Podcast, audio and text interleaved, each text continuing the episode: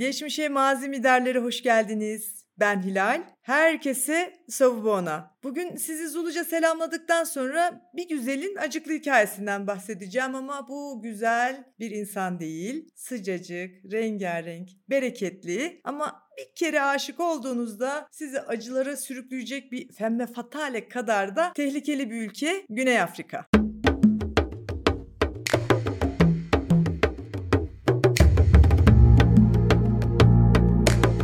Sanırım herkes en azından e, dünyanın en güney ucu Ümit Burnu'nu Nelson Mandela ismini bir yerde duymuştur. E, benim de belki bir gün gidebileceğim hiç aklıma gelmediğinden belki çok uzak bir yer olduğunda maksimum farkındalığım ancak bu kadardı. Seyahatimde ilk olarak e, siyahların coğrafyasına koca bir uçak dolusu e, zengin, beyaz, soylu, artı boylu poslu Avrupalı ile uçmak ve onların Cape Town havalimanında uçaktan indirilen surf tahtaları dikkatimi çekti. Ee, daha sonra Johannesburg'a gittiğimde dikkatimi ilk çeken şey ise birbirinden sadece bir yol ile net bir şekilde ayrılmış yaşam alanları oldu. Ee, yüksek duvarlar, çıtırdayan elektrikli çitler ile çevrilmiş. Hayatımda gördüğüm en lüks evler. Yani ev falan değil, e, malikaneler. E, natürmort bir tablo gibi şahane ama ürkütücü, bomboş, beyaz caddeler, parklar, sokaklar. Biraz ileride de sırt sırta dayanmış takriben 10 metrekare teneke barakalardan oluşan sefil siyah sokaklar. Gerçekten insan bir gerilim, bir stres, o korku filmi izlerken o bir şey olacak galiba hissi var ya öyle bir hisse kapıldığımı hissettim. Bir yanda açlık, bir yanda okyanusta sörf ve malikaneler, diğer yanda suç. E, bu tezatları ve hissettiğim duyguları anlamlandırmak için her zaman olduğu gibi geçmişe bakmaya karar verdim. Acaba renkler insanın hayatını nasıl etkiler? Mesela beyaz bir elbise giydiğimizde gördüğümüz saygıyla siyah bir elbise giydiğimizde gördüğümüz saygı farklı mıdır? Ya da renkli bir elbise giydiğimiz zaman daha mı fazlasını hak ederiz? E, trene ayrı kapılardan mı bineriz?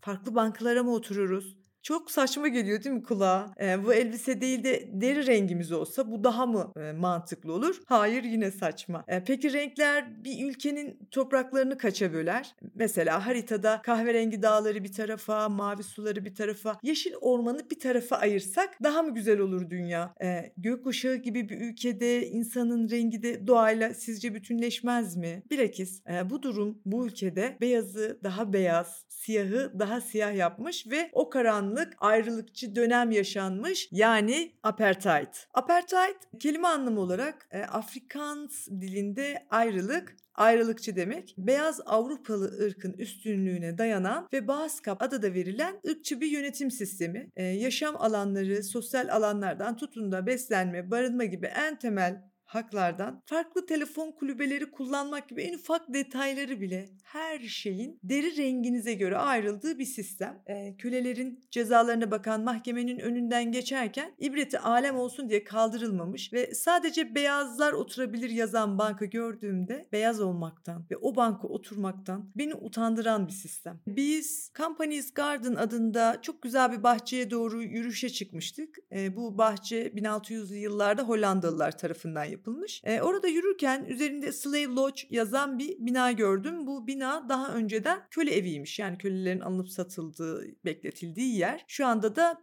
Güney Afrika Müzesi olmuş. Ee, gerçekten insanoğlunun hasta olduğunu düşündüm. Ee, harika hayvanları görüp sevebileceğin, türlü bitkiye bakabileceğin bir bahçeyi inşa eden de insan. Kendi türdaşını köleleştirip satan da aynı insan. Ee, tabii bunun 19. yüzyılda gerçekleşmiş olması da daha da hayret verici. Tabii bu apartheid sistemi birdenbire çat diye gelmemiş. Ee, daha da geçmişe gidip anlamaya çalışalım. Coğrafi keşifler döneminde İpek ve baharat yoluna alternatif arayan Avrupa, e, deniz yolundan doğuya Hindistan'a nasıl ulaşırım diye düşünüyor. E, burada da yol çok uzak, okyanus iklimi de çok çetin olduğundan ikmal yapılacak bir yerlere bakınıyor. Bakınırken de 1488'de Ümit Burnu'nu keşfediyor ve bu keşifle birlikte başlıyor bu güzel ülkenin hikayesi. E, araya şöyle bir bilgi ekleyeyim. Coğrafi keşiflerden çok daha önce milattan önce 600'lü yıllarda büyük denizciler, Fenikeliler kıtayı dolaştığı tahmin ediliyor. Yani aslında ilk keşfeden Avrupalı değil ama bütün tarihi kaynakları Avrupa'dan aldığımızdan genelde bilinen kaynaklarda bu şekilde yazıyor. Ümit burnuna uğrayan denizciler oradan ufak tefek yerlilerle alışveriş de yapıyorlar. Aslında yerli halkın Avrupa ile ilişkisi sömürgeden çok önce başlıyor ve Hollandalılar yavaş yavaş oraya da yerleşmeye başlıyor. E, tabii ki yerliler de bunu yadırgamıyor ilk önce. Buranın e, zengin kaynakları olduğunu ve coğrafi önemini anlayan beyaz adam e, 1652'de Jan van Riebeck'in Hollanda Doğu Hindistan şirketi adı altında korsanlar ile Table limanına yaklaşması işgali başlatıyor. E, sanırım bu sömürgecilerin taktiği hep aynı. Önce dostça yanaşıp sonra yayılıyorlar. Belli bir güce ulaştıktan sonra da arkadan vuruyorlar. O dönem burada yaşayan avcı toplayıcı, koyi koyi, başmen ve san yerli halkı var. Bunları kitleler halinde yok ediyorlar. İşlerine yarayacaklarını düşündükleri, boyun eğdirebildikleri kadınlar ve çocuklardan oluşan çoğunluğu kişiyi Hristiyanlaştırıyorlar, asimile ediyorlar, köleleştiriyorlar ve satıyorlar. Daha sonra ışığı gören önce Fransızlar, sonra sömürgeciliğin biricik kraliçesi Büyük Britanya geliyor ortama ve şenlikler başlıyor. E bu ülkeler arasında da bir rekabet yaşanıyor. Sonunda yine aynı tepişen filler, e, ana sağlayan çimenler. Kuzey ilerleyen ve şu an Güney Afrika'nın en yoğun şehri olduğu gibi tüm Afrika'nın da en gelişmiş şehirlerinden biri olan Johannesburg'a doğru geliyorlar Hollandalılar. Adamlar şanslı mı desem, aramaya inanmak mı desem burada da altın madenlerini keşfediyorlar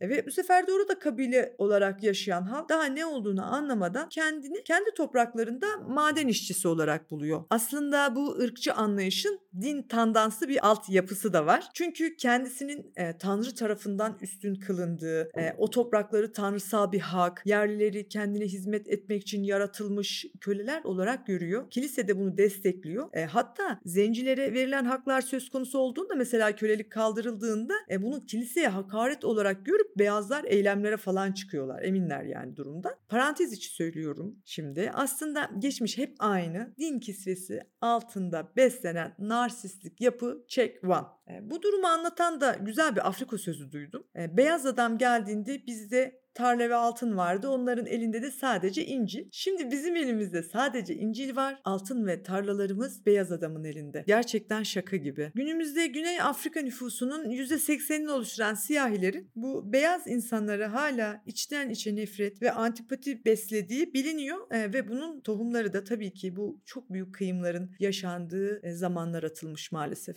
En büyük zulmü aslında Hollandalılar tarafından görüyor Güney Afrikalılar ama asıl direnişi sanayi devrimi ile tetiklenen özgürlük hareketlerinin de etkisinde e, İngilizlere karşı veriyorlar. Hatta ciddi direnişlerle koca Britanya'yı zor duruma sokuyorlar ve tarihinde ilk defa İngilizler e, bir kolonisinde esir kampı kurmak ve onları bir kontrol altında tutmak zorunda kalıyor. Ama buna rağmen tabii ki beyaz adam akıllı, eğitimli ve ateşli silahı var. Bu utanç vesikası tarih e, 1948-1994 yıllarını içeren apartheid dönemini getiriyor ülkeyi ve Avrupalılar kıymetli beyaz popolarını artık yasalarla korumaya karar veriyorlar. Sadece Afrika kıtası değil, dünya tarihi açısından da ayrımcılığın ve Afrikaner milliyetçiliğinin zirveye çıktığı bir dönem. E, Afrikaner, Africans demek. 400 yıl önce Hollanda'dan Afrika'ya gelip yerleşen Hollanda kökenli beyazlar ve Hollanda dili olan Flemenkçe ile Afrika dillerinin karışmasından doğan Afrikansça konuşuyorlar e, tabii ki dünyanın en genç dillerinden de biri. Apartheid döneminde çıkan ilk kanun nedir sizce tahmin edin bakalım. E, tabii ki beyazların diğer sınıflarla evlenmesinin kesinlikle yasaklanması. Eğer yurt dışında evlenirlerse de ülkeye alınmaması. Nedense her zaman ilk yasaklanan şey seks olur. İkincisi de zaten pratikte ayrılmış olan ten renklerini artık tescillemek. Buna göre Afrikanerlar ve diğer beyaz soylu Avrupalılar birinci sınıf vatandaş yani efendiler. Colored'lar yani renkliler. Ee, Avrupalılar ve Hindistan, Malezya, Afrikalı siyahilerin melezleşmesinden oluşan orta tenlilere deniyor. Ee, şimdi bunların kanını azıcık beyaz kanı karıştığından e, statüleri hemen beyazların bir altı. E, Hindistan yarımadası kökenlilere de genelde renkli olarak muamele yapsalar da kafalarına göre ara sıra değiştiriyor değiştiriyorlar. E, 1980 yılına kadar bunların seçme seçilme hakkı da yok. E, apartheid döneminin e, Doğu Asyalı halklara karşı tutumu biraz farklı. Ekonomik ve diplomatik ilişkiler içinde bulunan Japonya, Güney Kore, Tayvan e, kökenli Güney Afrikalılar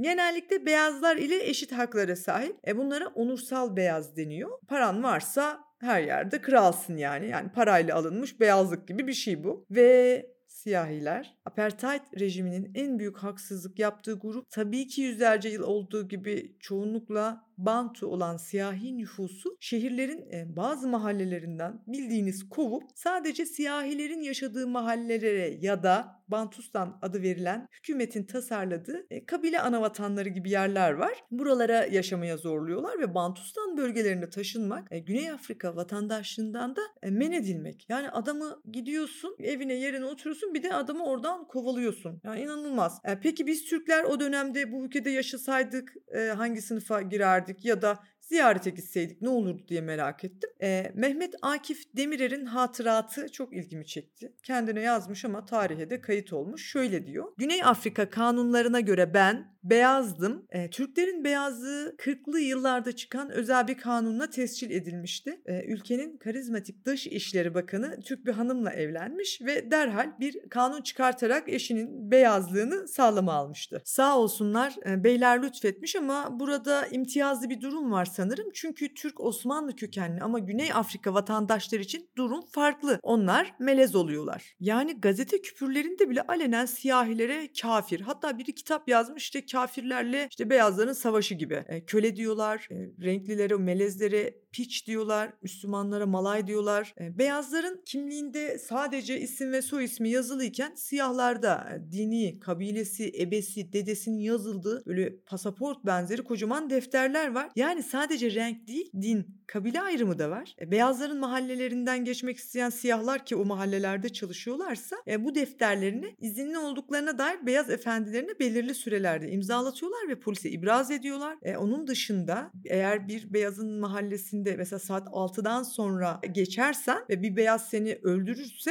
beyaz haklı sayılıyor. İş kanunu ile kimin ne iş yapacağı belirleniyor. Yani bak ben bunu beğenmedim şöyle bir iş yapacağım işte şirket kuracağım sermaye kazanacağım öyle bir şey yok. Ve e, kime ne eğitim verilecek de bu yapacağı işlere göre belirleniyor. Mesela bir beyaz ve bir siyah trafik kazası yapsın. Siyah daha ağır yaralı bile olsa ambulans önce beyazı hastaneye götürüyor. E, hatta yine e, arşivlerde bir Osmanlı kökenli bir işte din aliminin orada bir trafik kazasında ambulans çağırıyor. Ama yanlışlıkla melezlere ait ambulans gelmiş. Yani adamı almıyorlar siyahi orada bırakıp gidiyorlar. Gerçekten yani çok şaşırdım ben ya. İnanamadım. E, şuna da iyice şaşırdım. E, pen test diye bir test var. Kalem testi. E, ten rengi beyaza yakın melezleri kafasına bir kalem sokuyorlar. Hani siyahilerin saçları sert kıvırcık ya. Eğer kaymazsa kalem bu kıvırcık melez. Yani biraz çok melez. Eğer kayıp düşerse daha az melez. E, düz melez deniyor. Yani artık siyah beyaz değil ayrım. Yani siyah beyaz renk tonu kartelası oluşturmuşlar. Ee, gerçekten alın size narsistik yapı check to. Gerçekten tarihe iyi bakmak lazım. Ee, diğer bir narsistimiz Hitler de böyle şeyler yaptı. Yani insanların kafatasını falan ölçtü. Ee, bir ek bilgi daha vereyim. Dünyada ilk kalp nakli 1967 yılında Cape Town Üniversitesi Tıp Fakültesi'nde yapılmış. Ee,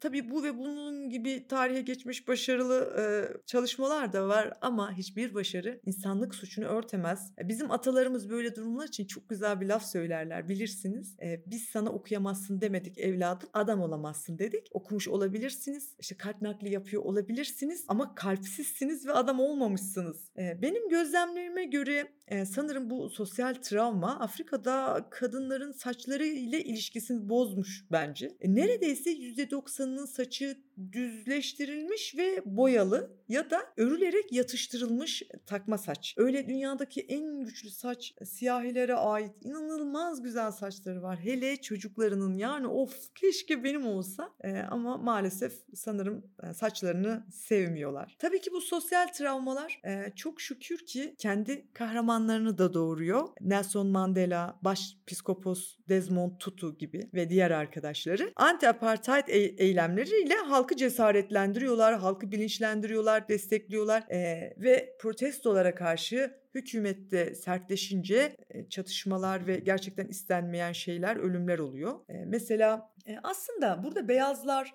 Avrupalı beyazlar desek daha doğru olur. Çünkü burada işçi olan beyazlar da var ve durumdan da epey şikayetçiler. Mesela apartheid'in baş mimarı bir siyasetçi var Hendrik Verwoerd. Bu parlamentoda Yunan asıllı biri tarafından bıçaklanarak öldürülüyor ve katili Dimitri diyor ki ırkçı politikalardan o kadar nefret ettim ki ne yapıp edip bu planımı uygulamaya karar verdim diyor. Şiddet olayları tırmanırken bir yandan da Güney Afrika hükümetine karşı uygulanan ambargolar oluyor. E, uluslararası eleştiriler geliyor. Her yerde Güney Afrika aleyhine gösteriler yapılıyor. Ama buna rağmen ülke çok zengin olduğu için e, kaynaklar biraz daha onları idare etse de rejim sona yaklaştığını biliyor. Ilımlı devlet başkanı de Klerk çalışmaları ile Mandela ve aktivistleri hapisten 1990 yılında çıkarılmasını sağlıyor. E, açıkçası de Klerk'in de ay birdenbire hidayete geldiğini düşünmüyorum da. İşler baktığı sarpa saracak. Herkes için bu işin sonu kötü olacak. E, tamamen bu ülkeyi ve ellerindeki nimetleri kaybetmektense hani biraz böyle bir tövbe estağfirullah deyip geri adım atmış olabilirler. Evet. Sizce renkler insanları ayırır mı? Bizce ayırmamalı ama illa da bir kriter ile insanları ayıracaklarsa bu iyiler ve kötüler olarak olmalı. Renkler, cinsiyetler, milliyetler le değil. Bu bölümü hazırlamama sebep olan e, tüm imkanlarını seferber edip bana Güney Afrika'yı sevdiren, gezdiren canım arkadaşıma çok teşekkür ederim. Tabii ki bu hikaye burada bitmiyor arkadaşlar. Sonraki bölümde bu hikayenin süper kahramanını anlatacağım size. Girişte bir Afrika dili olan Zuluca selamlamıştım sizi. Şimdi de hoşça kalın diyerek veda ediyorum. Niyabonga dostlar. Niyabonga Afrika.